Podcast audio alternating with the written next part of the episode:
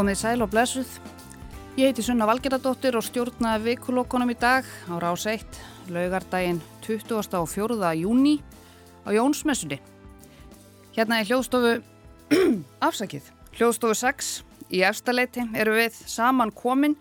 Ég og Jón Þór Helgason, tæknimaður og þrýr afbræðskóðir viðmælendur. Við fáum líka einn gest utan úr heimi og heyrum þar að auki smá upptöku líka síðar í þættinum.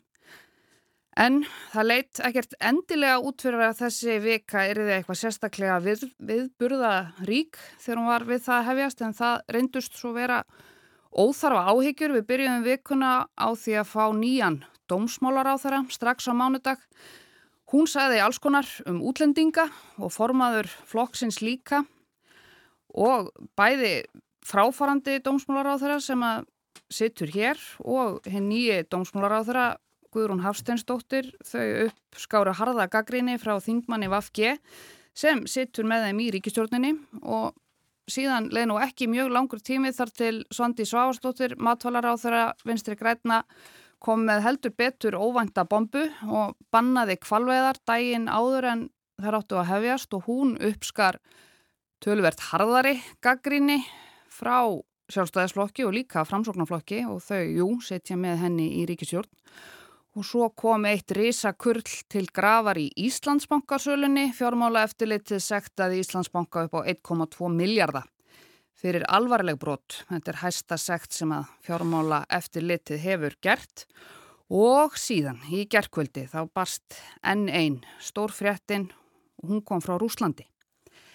Og til þess að fara yfir þessi mál öll, því að þetta er þeim jú skilt, eru þau Jón Gunnarsson, nú óbreyttur þingmaður sjálfstæðisflokksins, Jóhann Fridrik Fridriksson, þingmaður framsóknar fyrir Suðurkjördæmi og Þorbjörg Sigriður Gunnlaugstóttir við reist. Erum velkomin. Takk. Takk. Vel, veldu þið ykkur nakin upp úr dögginni í nótt?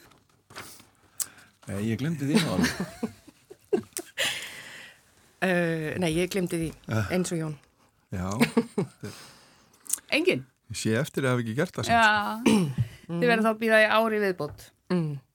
Þetta er sterk opnin hjá þér. Já, takk. en? Það er sagt einhver stað, sko, hvernig var þetta í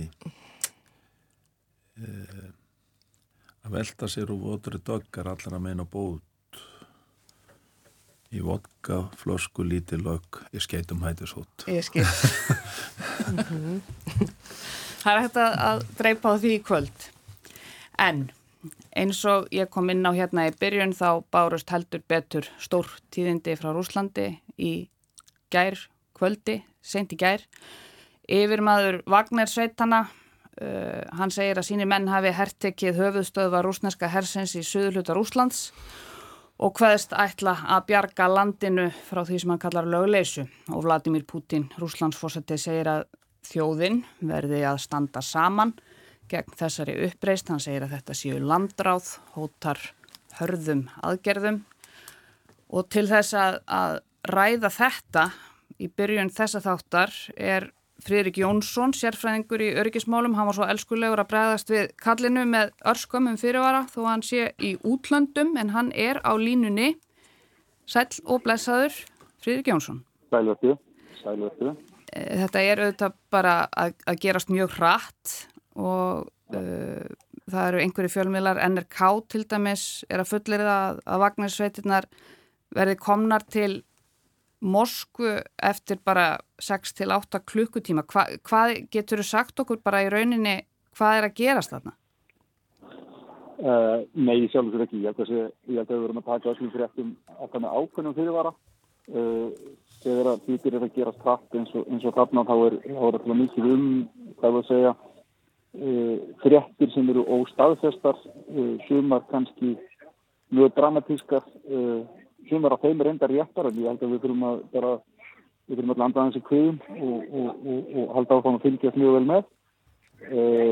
Það sem að ég myndi segja þessu unga síður er að þess, þetta er í raun og veru fyrir alvarlegustu viðbyrðir fyrir Putin og Rúslandstjórn frá upphafi endurinn á sér en það í fyrra og óskeikuleiki Putin síður náttúrulega við þetta verulega og varanlega nekki mm. en það er alltaf snöndast áferðið um nýðustuði að hvena þessu líkur uh, það finnst að gera í þóðunni fljótt þetta að þeir fóru þarna norður einni tóku Rostov í raun og veru á bara klukku tíma uh, það er auðvist að það eru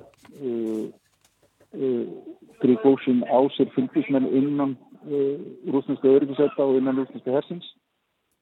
Og það kann náttúrulega ekki góður líkt að stýra að, að það opnist í raun og veru ennur výlína uh, fyrir rúsa uh, þegar við erum þegar í vandræðum á þeirri ukrainsku og tala um því þegar þessi nýja výlína er, er í raun og veru gegn þínu eigin fólki og, og fyrir um bandanum og Putin í ræðu sem í morgun, hann vísaði nú sjálfur til byltingarinn að 1917 sem liti af sér fall keisarabænisins og, og, og brottkar Úslands og fyrir heimstyröldinni og stopnum sjáðuríkana þetta er, þetta er, þetta er alvarlegt og, og, og þetta, já, það er að sjá fyrir sér alls, alls konar sviðsmyndir og ég held að þetta borgir sig að vera að taka öllum ákveðnum, ákveðnum fyrirværi. Þannig í rauninni það sem við erum að heyra þarna bæði það sem að Putin er að segja og líka það sem Príkosín er að segja við í rauninni getum við ekki, ekki tekið því sem sannleik eins og til dæmis að, að hann segi Príkosín yfirmaður Vagner Hersins uh, hann fullir þeirra að hann hafi 25.000 manns á sínum snærum þeir séu allir reyðbúnir að, að deyja fyrir réttlætið. Mm -hmm. hefur Já, Putin meina... til dæmis meina, hefur Putin til dæmis rúsnarsku þjóðuna bara stendur hún með honum eftir eitt og hálft ára af þessu stríði? Hvað var það rúsnarsku þjóðuna það verður náttúrulega augljóst núna við þetta að, að svo saga gagvar tjóðinni að það gangi nú allt ágæðlega og eftir áallin í Úkrænu uh, hún, hún fellir núna um sjálfsíð. Þú finnst ekki alveg að hafa í huga þessi upprið getur, getur náttúrulega runnið út í samtinn við tökum nýlegt æmi þessu tilrönn hluta tekniska hersins til að eitthvað stjórn Tyrklands 2016 Þetta, þetta getur farið allar við en, en höfum við huga að, að, að Vagner grúpan, þetta eru sjálfaðir hermenn, ófyrirleiknir, mikil hörkutól og þessi fjöldi, hann er, hann er líka til, uh, til stað uh, og, og heimavörgin í Úslandi, hún er, er náttúrulega veik fyrir út af stríðinu og innrásinu í Úkræninu. Þannig að, eins og segi, þetta, þetta getur farið bröðið ekki að vona og, og en ég heldur okkur eins og segi, það er ekki árið sólarhýtur frá því að þessir afturður hófust, þannig að við, við þurfum, við þurfum að við þurfum að anda svolítið með nefnum og, og, og eins og segi, lesa, lesa fréttur og tíðindi með ákveðnum alltaf með ákveðnum fyrirvara. En þetta er að gera slatt nú fyrir útrænu þá geta náttúrulega fallist í þessum stækifæri það er aldrei verða þegar óvinnuminn einhendir sér svona í, í innri baráttu og valdastíð Ég held að þessi ágætt að hafa í huga líka það varða stöðu í Prigósin og, og, og það var að segja samúð sem hann mögulega á innan rúsneska hersins er að, að almennir herrmenn í rúsneska hersins þeir hafa upplifað algjör skeitingaleysi á halvu Putin og, og valstjórnari í Kreml.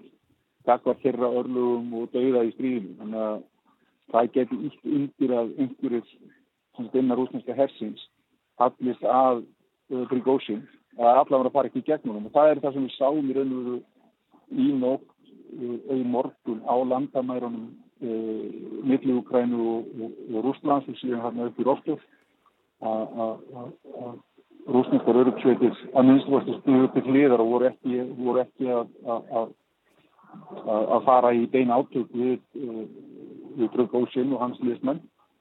Og svo reynda sjáum núna eftir því sem þeir verðast að færast norðar í, í ákveðum Moskvu að, þá eru þau komin í bein átök skjókanir í flugflör og og eins og segi líka ræða Pútins í, í, í morgun var nokkuð, nokkuð afgerandi talað um uh, föðurlandsvíkaran Tríkósin þannig að það er nú ekki mikla líkur á því að, að það verður mikla sættir á millið þeirra.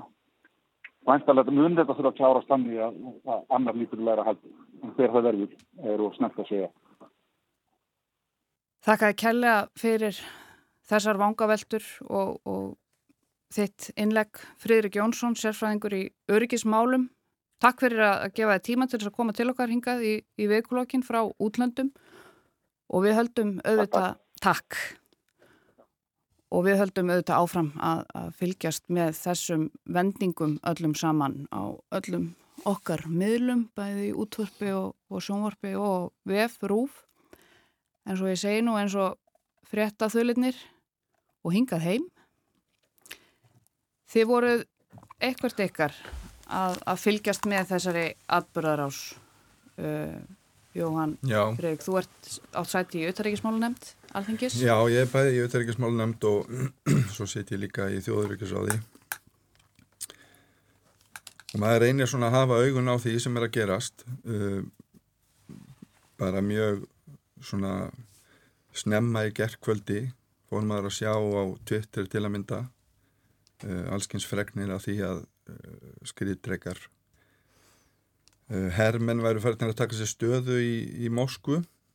Og er nú þannig með Twitter að þetta getur verið alveg frábæri miðil til þess að fá upplýsingar en maður þá svolítið að deila með tveimur og stundum þremur í svona fyrstu hérna, fréttum af atbyrðum en síðan held þetta áfram og, og hérna uh, það sem að maður svona sá síðan gerast seint í nótt uh, og svona aðeins varandi fórsöguna að það verður þetta staðið styr á milli vartamálar á þeirra rúsa og yfirmanns Vagners í langan tíma. Og, og Prigozhin hefur fyrst og fremst beint sinni reyði að honum.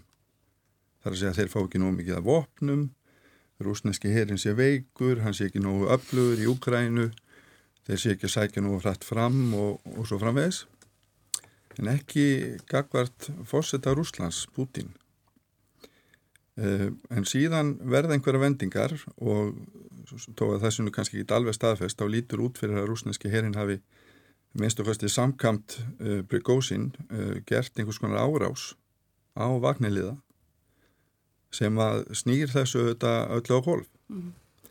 og þeir bara sækja inn í Rúsland lýsa því yfir að, að, að þeir hafi umlega verið sviknir, þeir séu hinn í reynu og sönnu föðurlandsvinir. Og við þessu þarf auðvitað Rúslandsstjórn að bregðast og uh, í, í þessu ávarpi sínu kallar Pútín þá landráða menn og viðbröðin við því er auðvitað þau að að nú virðist allavega þessi reyði og þessi gremja vagnar liða beinast ekki einverðungu gagvart uh, vartamála ráðunitinu og, og hernum heldur þá gagvart yfirstjórn Rúslands og þá Putin sjálfum. Uh, og þetta eru, eru heimsögulegir viðbörðir og það er alveg rétt sem að Fridrik Jónsson segir að sko þetta sínir auðvitað hversu veik stjórnin í Kreml er og hvernig sem að spilast úr þessu þá er þetta eh, eitthvað sem að kemur til með að, að hafa gríðarlega áhrif. Bæði stríðun í, í, í Úkræninu eh, inneríkismálum í Rúslandi og stöðu Rúslands út af við. Um, og svo verðum við bara að býða og sjá hvað hérna framvindur Já. Færum okkur frá alvöru stríðs átökum út í heimi sem eru sem betur fer út í heimi og í svona öllu óalvarlegri átök hérna heima þegar maður settur þetta í stóra samhengið. Jón Gunnarsson, fyrverandi dómsmálar á þeirra. Mm -hmm. Hvernig er þessi tilfinning að vera fyrverandi? Er það fúlt? Ég hef nú prófað hann áður sko. Neini, það er ekkit fúlt sko, pólitíkin er bara eins og hún er og, og hérna eh, ekkit við því að segja, þetta eins og fram hefur komið á mér áður og þetta hefðu við gætna vilja halda áfram svona í mörgum þeim verkum sem eru, var ekki lokið. Og voru mikil vonbreyð eða kláruðust meðlans ekki mikilvæg og, og stór máli á vorþingjunu eða sumaþingjunu núna og, og hérna Hva, Hvaða mál ertu svona pyrraðastur yfir að hafa ekki Já, það sem að mér fannst alvarlegast að uh, skildi ekki klárast, það var, uh, voru lauruglulögin, breytingin á lauruglulögun. Það er beinleginist þjóður öryggismál og í þessum heimi sem við erum í núna þá verður bara ekki hort fram hjá því að það er gríðarlega mikilvægt að okkar borgarlugu varnir sem eru lauruglan geti verið í fullu alvöru samstarfi við uh, lauruglu yfirvöld og leini þjónustur í öðrum löndum nágrannlöndum okkar. Það snýr meðal annars að uh, málum eins og njóstnum, öryggi ríkisins skakvar þriðjuverkum og síðan skipulari glæbarstarfsemi sem hefur farið mjög vaksandi.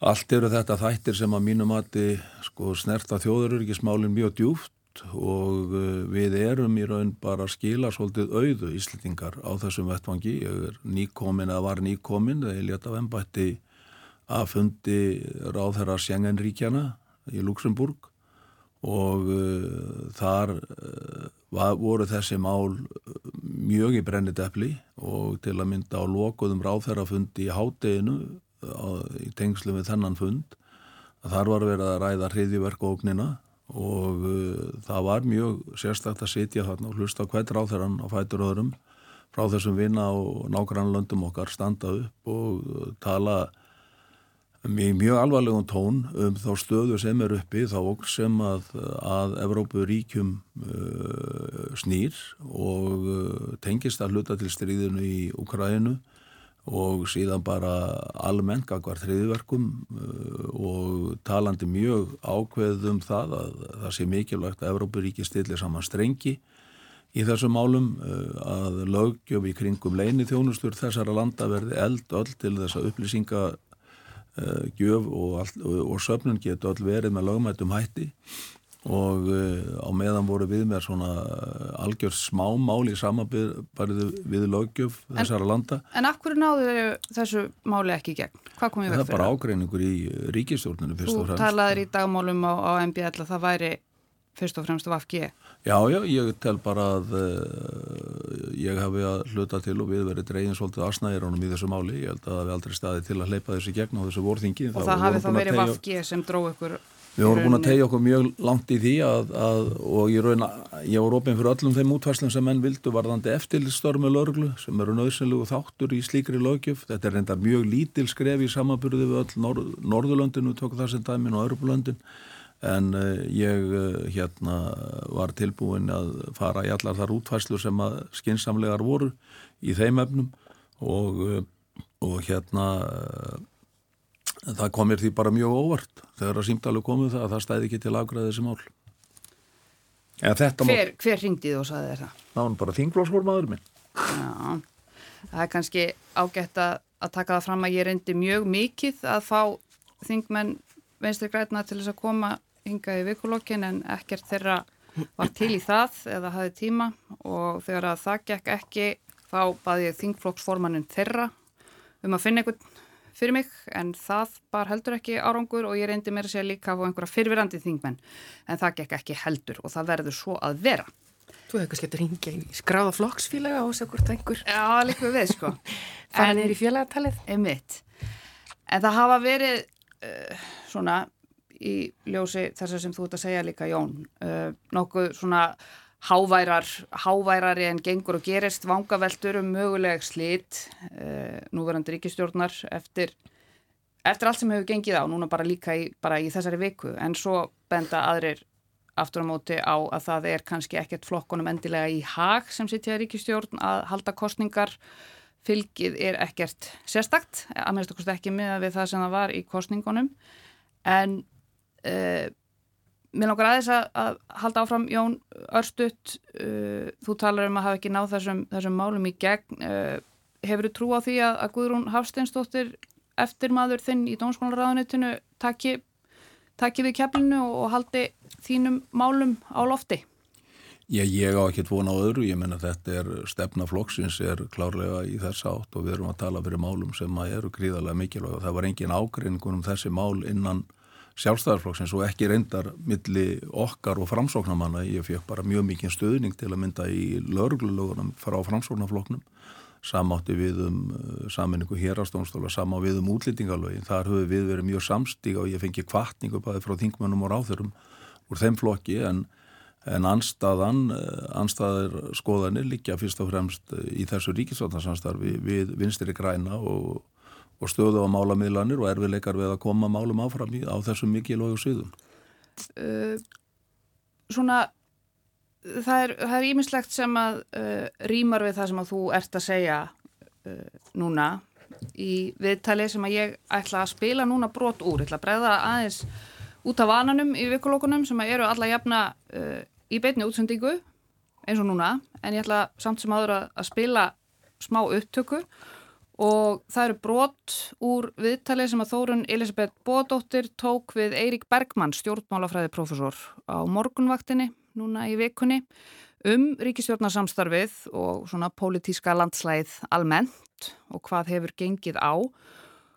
Og hann byrjar á því að, að benda réttilega á að fórustu fólk ríkistjórnarflokkana, sem sagt Vafge framsóknar og, og sjálfstæðisflokks, Katrín Jakobsdóttir, Sigurður Ingi Jóhansson og Bjarti Benediktsson, þau hafa unnið mjög náið saman mjög lengi og eru bara ágetis félagar og þeim hefur tekist að halda helstu svona ágreiningsefnum flokkana, þetta eru náttúrulega ofbúslega ólíki flokkar eins og við öllu vitum og þeim virðist þá að tekist hinga til að halda þessum svona stæstu ágreiningsmálum í skefjum eða svona að minnst okkurstu undir yfirborðinu. Við skulum núna heyra brot úr þessu viðtali. Og það er margt sem hefur verið mótrækt eh, ríkistjórnarflokkonum núna að undaföðnu grunnur gremjunar er sá að flokkanir koma málun sínum tröðla í gegn vegna þess að þeir eru svo ólíkir, þeir hafa svo ólíka stefnu þannig að rauninni verður ekki neitt úr neinu. Mm -hmm. og það er það sem að byggjur upp gremjun og það er það sem að sjáum til dæmis í ummælum fráfærandi e, dómsmólar á þeirrans að hann næri ekki málunum sínum í gegn og kennir vinstri grænum um það en það er einfallega vegna þess að málinn ganga gegn stefnu vinstri græna. Þegar að eh, ráþæra skiptin verða þá leggur sjálfstæðisflokkurinn sig fram við að benda á að uh, framganga Jóns Gunnarssonars í, sem ráþæra dónsmála og hælisleitenda sé klárt og hvitt stefna alls flokksins. Umræðan hafði að einhverju leiti gengið út á það að um, Jón Gunnarsson væri svona talsmaður, uh, kannski bara svona tiltekins uh, afkima í sjálfstæðisflokksins uh, í þessum málefnum sem var svona livði inn í flokknum ásamt alls konar annars konar sjónamiðum og væri jafnvel ekki sko eitthvað meiri hluta skoðun inn í flokknum en þá kemur sagt, viðtakandi e, e, dómsmólar á þeirra, Guðrun Hafstistóttir og svo formaður sjálfstæðarflokksins, kannski sérstaklega Bjarni Bindiktsson og þau hamra þetta inn að e, hörð afstafa e, Jóns Gunnarssonar sé alfarið stefna sjálfstæðarflokksins alls og í rauninni er formaðurinn að taka undir með hætti sem að hann hafði ekki gert sjálfur áður og ekki nómið það heldur er engin leið að skilja orð hans þannig að maður setu þau í samíki við ríkistjórn og þing uh, öðruvísi en, en, en þau að hann sé bara að hund skamma vinstri græna fyrir að hafa staði í vegi fyrir harðari aðgerðum. Þingmaður vinstri græna vandar samstarfsfólki sínu ríkistjórn ekki hvaðjurnar og svo kemur þessi ákverðun Svandísa Svavastóttur um, hérna, stöðu að kvalviðarnar einhvern veginn strax í kjölfarið. Uh, maður veitu þetta ekki nákvæmlega hvert samhengið tann á milli þau veist er raunverulega en það byrtist sko svona í beinu framhaldi af þessu og gerir sjálfstæðismæður alveg brjálaða ofan á þetta bæti síðan báborið efnahagsástand núna. 10% verbolgu, við erum nálega 10% vakstastígi í landinu, það kreppir að og flokkanir horfa framann í sko snar mingandi fylgi, vinseldir ríkistjórnarinnar uh, fellur rætt og ekki bara ríkistjórnarinnar sem slíkrar heldur eru allir flokkanir að horfa framann í mjög glatað fylgi ráðræðnir eru farinir að ganga fram hver á sínu sviði með í meira mæli heldur en áður án samráðs hver við annan mm. eh, til dæmis bara svo ég tækin svona lítið mál sem engin, eða sem, mál sem allavega ekkert voru neina sérstaklega deilurum sem var lókun sendiráðs eh, eh, Íslands í, í Mosku að þar tiltekur utdragisráðu það alveg sérstaklega og næstu því sko eh, óspurð að þetta sé ákverðun ráðurans eins. Já. uh, og sama gerir síðan svandist núna í sinni, sinni ákverðin og uh, ráðar eru fannir að tala meir um það að, að, að þau séu nánast einráð í sínum málaflokki og þurfi ekkert að bera málinn undir ríkistjórnina og þetta segir sko gríðar stóra sögum ástandið á stjórnarheimilinu að, hérna, að ráð þeirra skuli sko kjósa að fyrrabræði að tala svona sko þessi uppákoma sem hefur búin að vera en það senstu tvo daga, hún er ekkert smáræði. Þetta er ekkert eitthvað sem að menn geta bara svona eh, þau skert lítið úr og sagt já já þetta var nú bara svona hressilegur ágreiningur og, og allt í góðu og við erum áfram voðalega fínir vinir. Þetta er ekkert tanni mál, þetta er miklu starra mál heldur en það, þó svo ríkistjóti fall ekki og ég held ekki að hún sé að, sé að falla þá hefur þetta áhrif, þetta veikir stóðir ríkistjórnarinnar og svo bara fer gluk, uh, klukkan að ganga á næstu kostningar flokkandi fara að stilla sér upp og sérna sjáu hvernig þeir eru byrjaðar að stilla sér upp. Þannig að leið og einn byrjar að reyfa sig þá stökka hinnir fram og þannig að ég gerir bara ráð fyrir því að þetta verði voðalega erfitt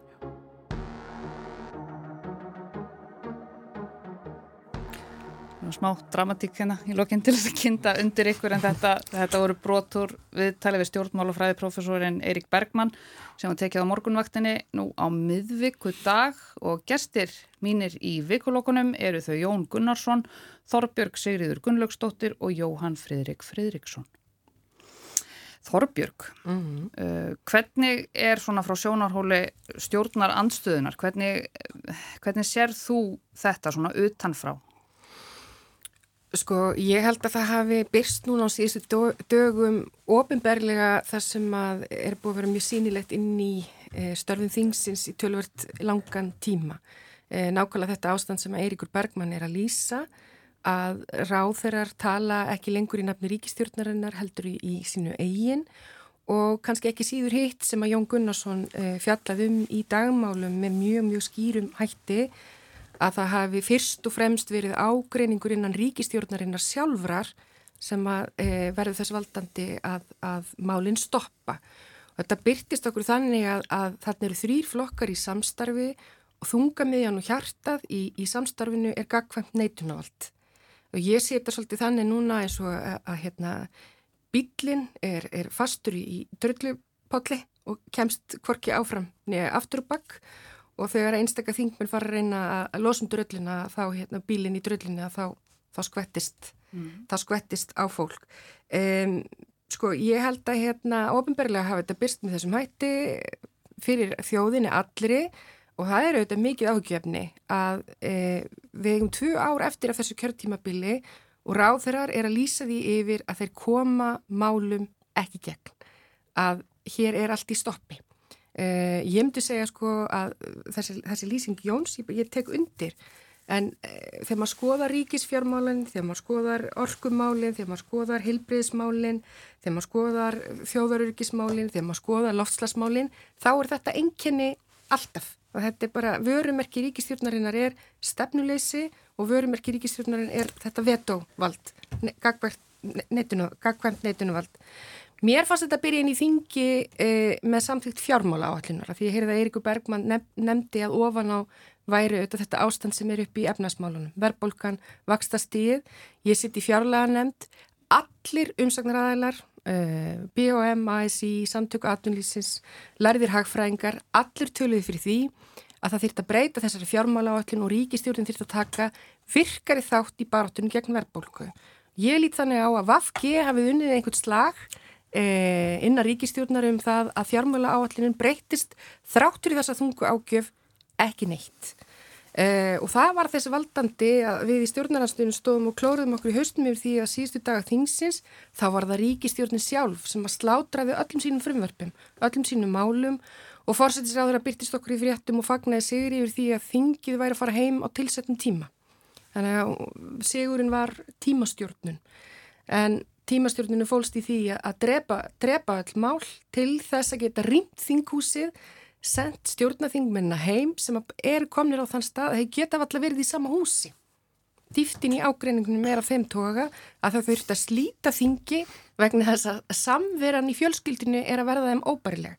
En svo verður það auðvitað bara til þess að jafnvel þó að menn séu farnir út úr húsi að þá sjáum við þetta Bjarni Benediktsson stendur á, á, á tröpunum á bestastöðum og talar um sko að þingið hafi bröðist, við vitum öll að hann var þar að beina orðunum til eh, Hundskamma vinstri græn Hundskamma Katrín og vinstri græn.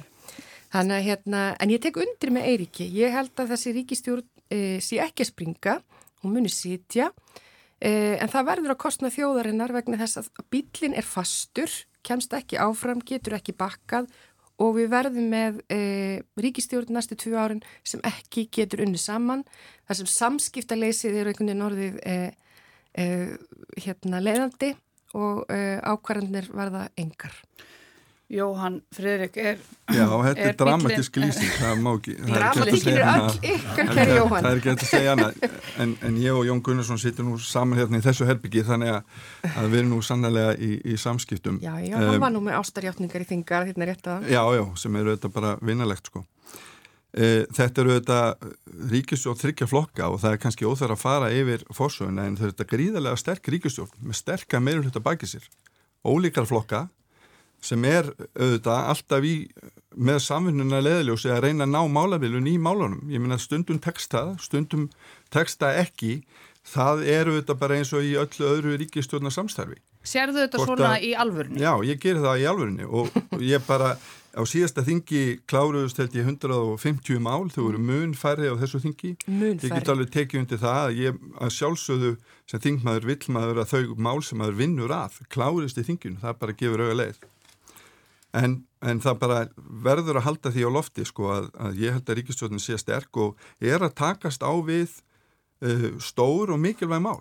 Ég minna verðbólka sannlega er stóra málið í efnaðasmálunum en við erum líka búin að vera uh, að vinna saman að málum sem að margir hefur sagt hérna fyrir kannski einhverjum álum síðan að myndu aldrei nást, nást neinn sátt um meðal ríkistjóðnaflokkana. Samanbyrð bara þjóðuríkistefnuna sem var samþygt og unnin uh, af þinginu Uh, í, í, fos, í fosvari hérna í útrykkismálu nefnd var, var hérna uh, formaður hennar uh, og, og hann er að sjálfsögðu úr vinstri grænum Bjarni Jónsson. Margir hefur sagt eins og ég endur deg að það hefur verið erfitt að ná því í gegn.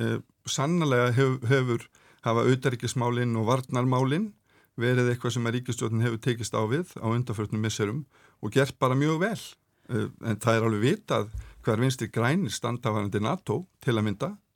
Þannig að, að það sé ekki samvinna. Ég, ég held að það sé verið að reyna að leita samvinnu og ég held að það sé verið að finna hana á mjög mörgum vikstöðum í þessari ríkistjórn mm. Jón, en nefndir bara auðvitað Mér finnst það bara gott dæmi. Það, það er sannlega eitthvað sem menn bendi á að er því mjög erfitt að vinna með vinstri grænum en en vissulega þannig að það eru, það eru deildar meiningar og þetta við erum öll öll, öllu þetta að reyna að gera okkar besta en það skiptir bara máli að við séum að horfa á verkefni framhundan og vitaskuld er það þannig að ráð þeirra ná ekki alltaf uh, sínu málum í gegn það er ekkit nýtt mm. við hefum þetta stefna því að, að svo sé og, uh, en fólk verður að hafa tilfinninguna þannig að þeim líði vel með málinn mm. og það er vinna sem við erum að vinna inn í þingin og ég Ég segi það, svo umræði sem við farið fram um það að, að þingið einhvern veginn sé ekki að vinna sína vinnu, ég held að, að, að minnstu okkur stegi horfið eigin barm, nú sit ég í allsefn og mentamáli nefnd, að þar vann fólk myrkarn á milli til þess að reyna að aðlaga lögjumuna þannig að við varum sátt með hana og það skiptir líka máli. Við okkar markmið á ekki að vera að hraða málum í gegn, heldur vinna lögjumuna vel og, og, og komast að samkúmulagi um skynsanlega leiðir áfram sem ég held að við séum að reyna að gera og munum gera áfram. Jón uh, Er það samála þessu? Já, sem er leit og sem ekki sko, ég er svo sem ekki með neinar ástarjáttningar eins og Þorbjörg orðar þetta hér félagum mínum í framsókn en en það gengur pólitík ekki, ekki út á það sko. Eh, Eru sjálfstæðismenn alveg brjálaðir yfir ákverðun Svandísar Svavastóttur að banna kvalveðar? Já, ég ætla, já, já, ég skal koma þess að því sko en, en ég bara tek undir með Jóhanni að sko það sem er stóra máli fyrir framann okkur eru efnahagsmálin. Ná tökum á verðbólgunni og, og mjög hérna krefjandi kjærasamningar sem eru framundan og við þurfum að öllum okkar vopnum að halda á samstöðu til þess að takast á við þau stóru mól. Efnahagsmál eru auðvitað uh, fjölbreyttur vettvangur og það er að meðal er til dæmis að ekstra hagræðingar mál eru efnahagsmál og ég held að uh, núna í komandi fjárlaga gerð sem er þegar hafinn undirbúningur að og við erum að leggja fram í höst að þá reynir mjög á uh, ríkisvotnaflokkana að koma þar með alvöru útspil þá í ákveðni samfunnu við verkefælisreifinguna til sem að getur þá leitt svona uh, líka uh, í til lausna á þeim vettfangi og það verði eitthvað samspil en það er alveg ljóst að við verðum að leggja mjög þunga áherslu á það. Og auðvitað þá er ekstra hagræðingu líka. Og ég nefndi hér mál sem að ég var með inn í þingin og var fyrir vonbreðum eins og saminning hérastóngstóla og saminning síslumanna sem ekki kláruðust sem eru klárlega mikil ekstra hagræðinga mál spara hundruði miljóna þegar það verða farin að skila sér. Þannig að sko ég held að bara út frá þessari stöðu alvarlegu stöðu í samfélaginu og, og þessu gríðarlega mikilvæga verkefni sem yfirgnæ yfir allt annað að þá held ég að kostningar væri ekki góðar í höst í íslensku stjórnmálum og pólitísku róstöðuleiki þannig að það verður að reyna að leita einhver annara, annara leiða í því. Erstu pínu lítið fegin að vera ekki lengur ríkstjórnini? Ég, sko, ég segi það ekkert, ég ítrekka það sko, sá sem er í pólitíki að held að sé nú alveg sama hvern þú spyrir þar að menn eru þar til að hafa áhrif og láta gott að sé leiða og vinna góðu málum og, og því leiti er, er það skemmtilegur hluti að vera í ríkistjórn og vera ráð þeirra og okkur gekk bara mjög vel þar í dómsmálaránundunum, við vorum afkasta mikil. Ég með einhver flest málinn og alvöru mál, svona stór og mikil mál sem að voru tilbúin strax nefna í vetur eftir stuttan tíma en uh, því eru þetta ekki mér að þakka, þetta er starfsfólkir áðanettisinn sem að stóð sér alveg frábælega en, en sko Nú langar með þess að... En þetta með kvalveðmálið að því þú spyrir það, já, þú segir hvort allt er vittlust, sko, já, við getum alveg orðað þannig að það er gríðarlega mikil gremja og, og hérna, við erum kannski ekki alveg uh, sjóðandi hoppandi vittlust, við erum fyrst og fremst bara mjög áhyggjufull og og, eh, og undrandi í sjálfu sér vegna þess að það er alltaf leiði fyrir að uh, í þessari ríkistjórn er eitt flokkur sem er algjörlega andvíkur kvalvegum hefur þá stefnusgráfsinn eða stöða þær að meðan báðir hinnir flokkarnir uh, eru fylgjandi kvalvegum og hafa ekki hérna vilja, uh, vilja stoppa þessa eðlulugu nýtingu á þessari sjálfbæru öðlind og þessi, þessi ákvörðun svandísar er auðvitað mjög umvöksunar virði og setur uh, samstarflokkana í mjög erfiða stöðu af mínu mati. Einfallega vegna þess að uh, hér hafa mætustu menn uh, leitt fram mjög góð rauk fyrir því að það sé ekki farða lögum. Til að mynda bara 20. grein lagum stjórnarað Íslands um rannsóknar skildur á þeirra hún er ekki lagt fram neinn gögn um það sem að styðja við það að þeirri rannsóknar skildu hafi verið sinn og uh, við getum bara að rifja þá upp Mál Sigriðar Andersen, það var okkur undvellið með þessa ákvæðis sem að krafan var gerðum það hún myndi víkja því hún syndi ekki rannsóknarskildu sinni. Og þetta eru þetta uh, Ertu þá búið það, hún er að víkja, sondís Ég er bara að segja hvað afleiðingar það hafði fyrir Sigriði Já, þess vegna spyrir og hérna, og uh, já, það er alvarlegt ef að svo er staðrindin að við erum með opin augun að horfa hér fram á það, það er ekki farið að lögum, það er ekki tekið Eh, til greina meðalhóf í málsmeðferðinni. Eh, áhrifin eru þetta gríðaleg. Þau voru ekki rannsökuð. Það er að segja hvað áhrif hefur þetta á starfsfólkið. Við erum hér með tíu námsmanna sem hafa voru búin að eh, fá sumarvinnu, alltaf að fjármagna sig næsta vetur á þessari sumarvinnu. Þeirra líf er í algjöru uppnámi.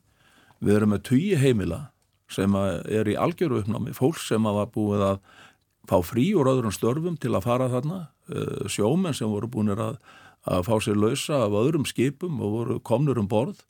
Og eh, fólk sem var búið að því að það er búið á vinnustafnum í þessu tilvi, fólk sem var búið að leia út íbúðuna sínar í sumar. Og þetta fólk fær bara þessa kvöldu tusku framann í sig. Og ég er ekki vissum að, að matvalar á þeirra hafi gert sér grein fyrir sko þessum alvarleika málsins. En það var ekkit kafað honi afleðingar og áhrif af þessari svona skyndi ákvörðun. Og þetta er eitthvað sem að þetta að setjast niður og það var stórfundur upp á Akranesi að frumkvæði verkalýsfélagsins þar Já, ég held að það með nú alveg fullir að þar var allt brjála. Þar var mikill hiti í fólki þó að sá fundur færi mjög málefnulega fram. Uh, en það var, það var þungt í mönnum vissulega og þetta var, þarna voru mætt 300 manns og þarna voru talsmenn bæði framsóknarflokks og sjálfstæðarflokks sem að settu... Og þingmenn? Já, já við þingmenn þessara flokka. Og þar á meðal formaðar atvinnuða nefndar og fyrsti þingmaður uh, kjördæmisinn Stefán Vagn og frá okkur Teitur Björn Einarsson sem er þingmaður í kjördæminu sem voru þarna, tókuð þarna til máls. Og krafa uh, þessara talsmannaflokkana á þessum pundi var alveg skýr að það var krafa um það að Svandís myndi draga þessa ákvörðum tilbaka Og, hún ætlar ekki að gera það? Já, það höfum við ekki fengið skýrsvör fyrir. Það eru þetta fórustumanna flokkana núna að, að hérna, eiga við það. Ég held að það sé það. alveg skýrt sko að, að það standi ekki til. Ég menna þetta er tímabundið og, og stendur held ég út ágúst. Ráður hann hefur verið mjög skýr með þetta og það er ekkert í hennar tungutaki sem bendi til þess að hún ætla að gera annað en að standa með sinni ákvörðun. En, en þetta tal hérna sínir svona í grunninn hver staðan er. Að hérna sitt sitja að vera að tala um samstarfsmann í, í, í þessu ríkistjórnarsamstarfi og hér er verið að ræða um lögbrott og, og að Sigriður Andersen hafi þurft að segja af sér fyrir hlistað vinnubröð, menn í því fælst óskum það að matvælar á þeirra segja af sér á hálfu samstarfsmanns í þessu ríkistjórnarsamstarfi. Um, ég hef ákveðna samúð með þessu með hvernig ákveðunin er sett fram degi fyrir og allt þetta og, og þegar við erum að tala um hvernig þetta byrtist, uh, byrtist fólki sem þarna starfa. En er ekki ástæðan fyrir því að, er ekki ástæðan fyrir tímasetningunni einmitt svo að það kom skýrsla? Jú, ef ég mætti Já. klára það, þá er það þetta þannig að þetta er samtal sem búið í gangi í allt vor. Uh, fyrst með þessari skýrslu frá MAST og svo þetta fagráð sem kemur í kjölfarið. Mér finnst það reyndar í sjálf og sér ekkert bætan enni við. Ég held að ef ráðherran var þessar skoðunar þá hefði hún sjálf og sér geta tekið þessa ákvörðun þá þegar með, með skýslu mast. En e, sko varðandi þessa orðuræði sjálfstæðsflokksins um sko stjórnsýsluréttin og meðalhófið og rannsóknarakluna þá held ég að Íslensk stjórnsýsla væri bara ofbúsla flottum málum ef að ást sjálfstæðisflokksins til stjórnsýsluréttarins og stjórnsýslu laga næði lengra en bara til Kristjáns Loftssonar. Mm. eh, að því nú ætlum við hérna líka ræða um, um sölun á Íslandsbanka. Þar hefur komin fram mjög þung ágjöf frá lagfræðingum umbósmaður alþingis er að skoða hæfi fjármálar á þeirrans við erum með skýslur um eh, eh, bankasísluna frá ríkisendur skoðanda, við erum með skýslu sem að eh, eða niðurstu fjármála eftirlitsins um framkantin á hálfu Íslandsbanka og, og þarna eru bara mjög skýrar vísbendingar um að, að hérna, ekki hafi verið farið að lögum. Um, ég sakna þess að heyra ekki sjálfstæðismenn lýsa yfir áhugjum af stjórnstísluréttunum þar.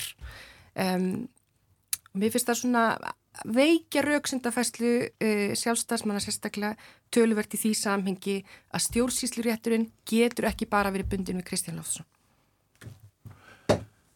Já, ég held að verkefni er á þennast núna séu þetta að finna út úr því með leifishafanum hvernig sé hægt að halda kvalviðum áfram. Kvalvið, kvalviðar eru löglegar, það er frestun að ræða það og, og það, það eru skilir, það er alveg rétt og, og hún sæði það og lísti því ágætlega hvernig hún komst að þessari niðurstöðu. Ég er ekki sammálinni, mhm. -huh.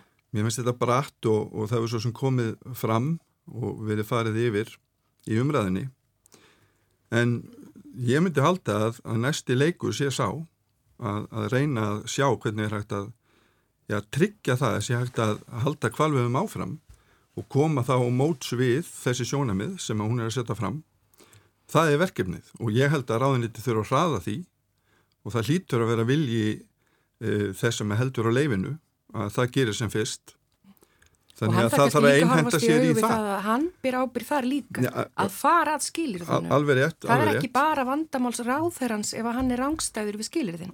Alveg rétt og ég, ég held að, að það sé umvel að lausnin áfram um, ef það sem að, að nú stendur. Um, ég vil samt segja það sko að sko kvalveiðar uh, þetta er bara svona gott dæmi um það hvernig við erum að horfa hlutina að ráþeirarnir í ríkistjónin eru með sína málaflokka sko. Mm -hmm. Og það hefur nú oft verið uh, menn hafa veldið fyrir sér hvað er að ræða vettfangi þingsins, hvernig á upplýsingaskildar að vera kakvar þingin og svo framvegis. Ég held að meiri upplýsingar og betri samtals er alltaf uh, til bóta.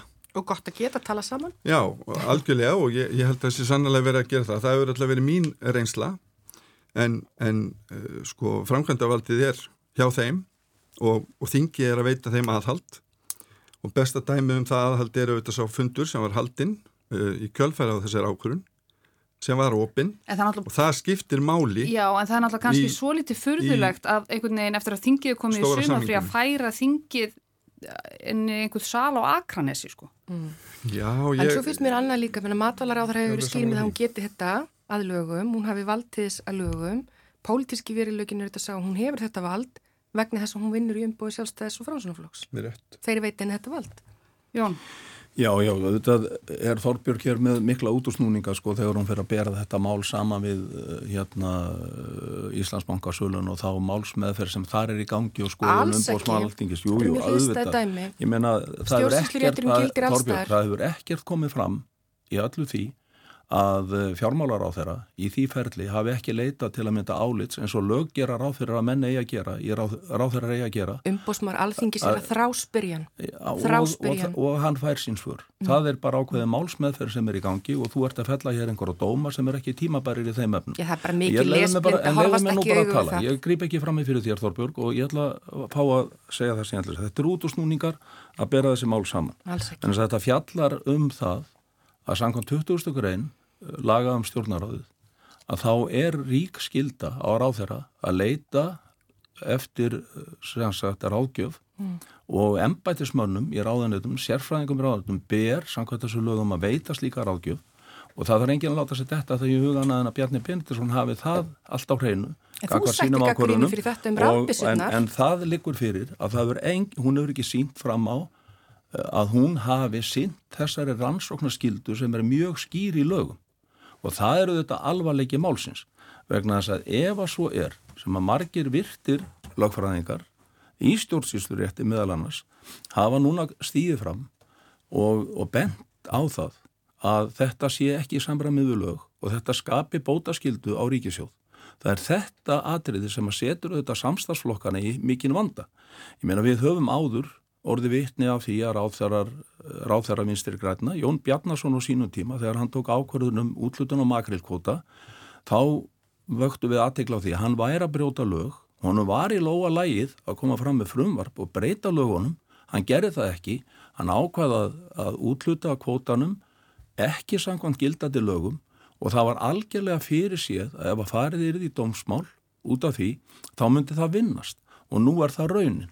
Þannig að sko þar er að koma miljardakröfur á ríkisjóð og það er mjög líklegt að mál eins og þetta og þetta við komum fram hjá verkalisreifingunni líka það verði allar bætur sóttar í þess að við séum að, að fá hér miljardakröfur á ríkisjóð og þetta setur auðvitað samstagsflokkana í þann vanda að ætlu við að vera þáttakendur í því sem að flestir þessum að fjöllum þetta mál og eru sérfræðingar á þessu sviði telja vera augljóst lögbrott og það munir baka ríkinu skadabóta skildu.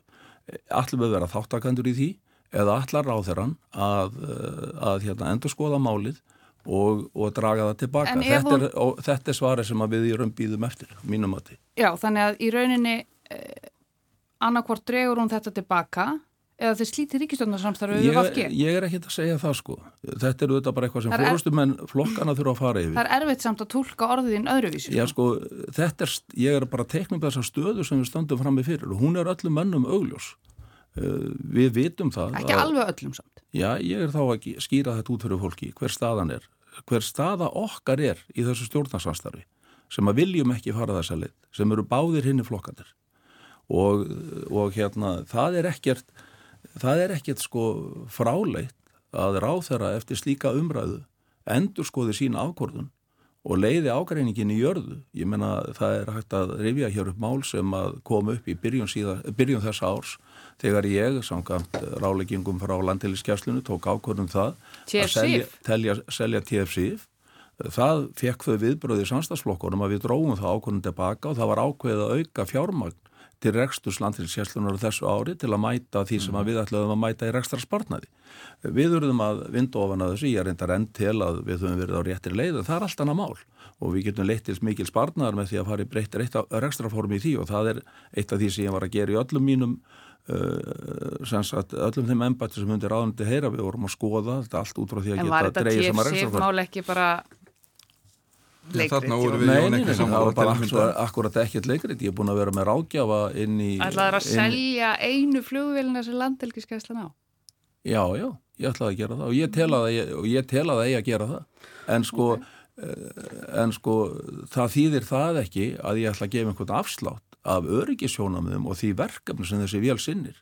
Öll löndi kringum okkur er að sinna þessu með öðrum hætti og ég tel að í þýr ekstra formi geti farils miljardar sparnaði fyrir ríki eða hortir yfir tíu ára tímabili mm. rekstri, rekstri landsinsjálfsnur en þetta er annað máli ég, með ég máli var þetta ég dróð þessa ákvörðum tilbaka eftir samtal mm. og svo. við erum bara í þessari stöðu í dag mm.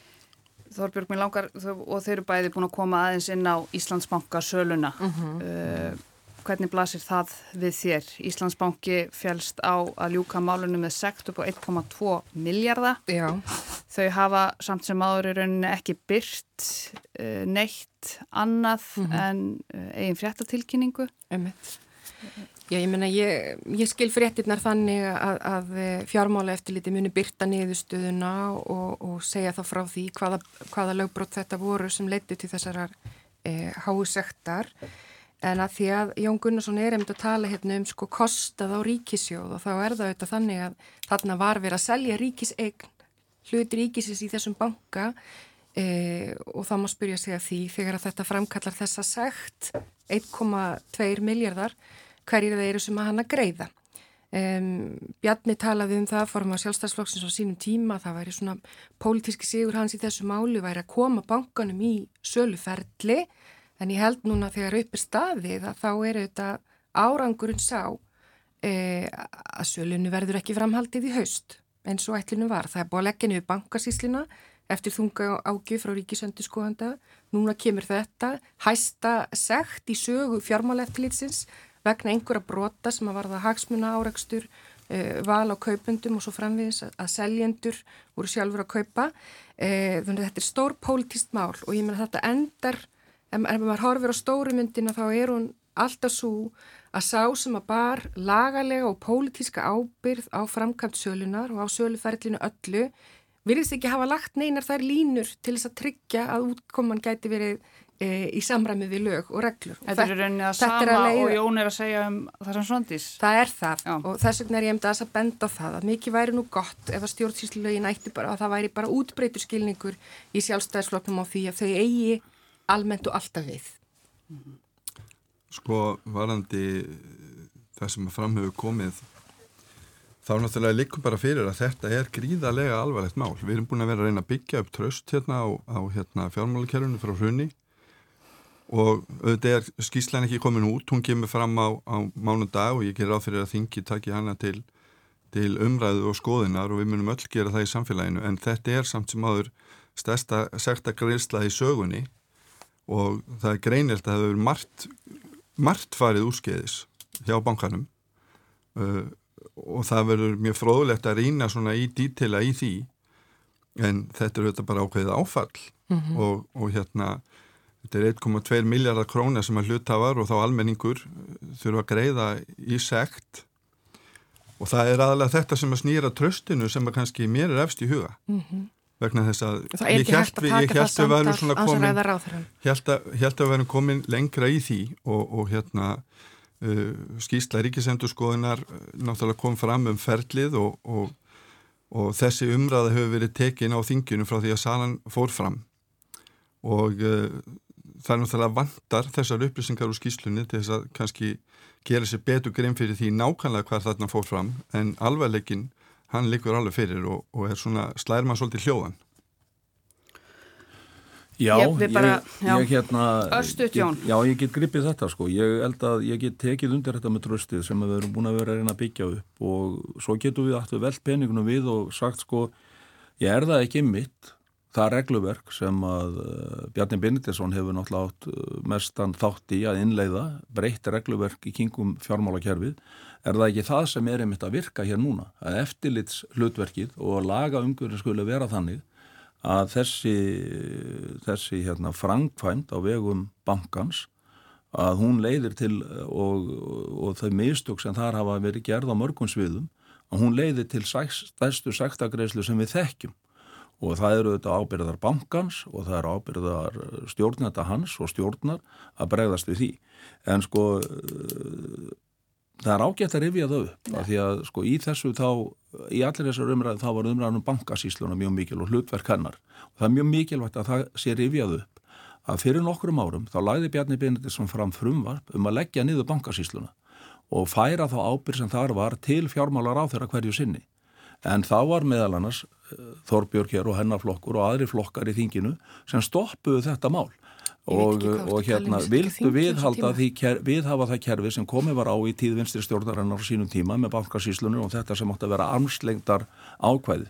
Bjarni laði þetta til, hann var rækinn tilbaka með það, nú hef, hafa menn síðan það að þetta var auðvitað vittlisist fyrirkomulega þegar það kemur að því hverjir umverulega ber ábyrð á hlutum. Takk, kannski ágætt að segja að Þorbjörg satt ekki á þingi þarna á þessum tíma Ekki nýju til 13, nei, en hún er komið eftir það Við ætlum eiginlega því miður að ljúka þessum þætti á umræðum um bankasísluna Því við komst ekki lengra, vikulokkin eru komin á endastuð í byli. Ég heiti Sunna Valgeradóttir og stjórnaði þættinum á samt Jóni Þór Helgasinni, tæknimanni. Og gestir mínir í dag voru þingmennir Jóhann Fredrik Fredriksson, framsókn, Þorbjörg Sigriður Gunnlaugstóttir viðreist og Jón Gunnarsson, sjálfstæðisflokki. Fredrik Jónsson, öryggis sérfræðingur, komaðis við hjá okkur gegnum síma frá útlöndum til þess að ræða þessa ótrúlegu stöðu sem er komin upp í Rústlandi og það verður að sjálfsögðu áfram fylst með þeim vendingum í öllum okkar miðlum en vikulokkin þau verða hér á sínum stað eftir nákvæmlega viku, fyrsta dag júlimánadar. Takk fyrir að leggja vel hlustir í dag og vonandi verður helgin ykkar góð.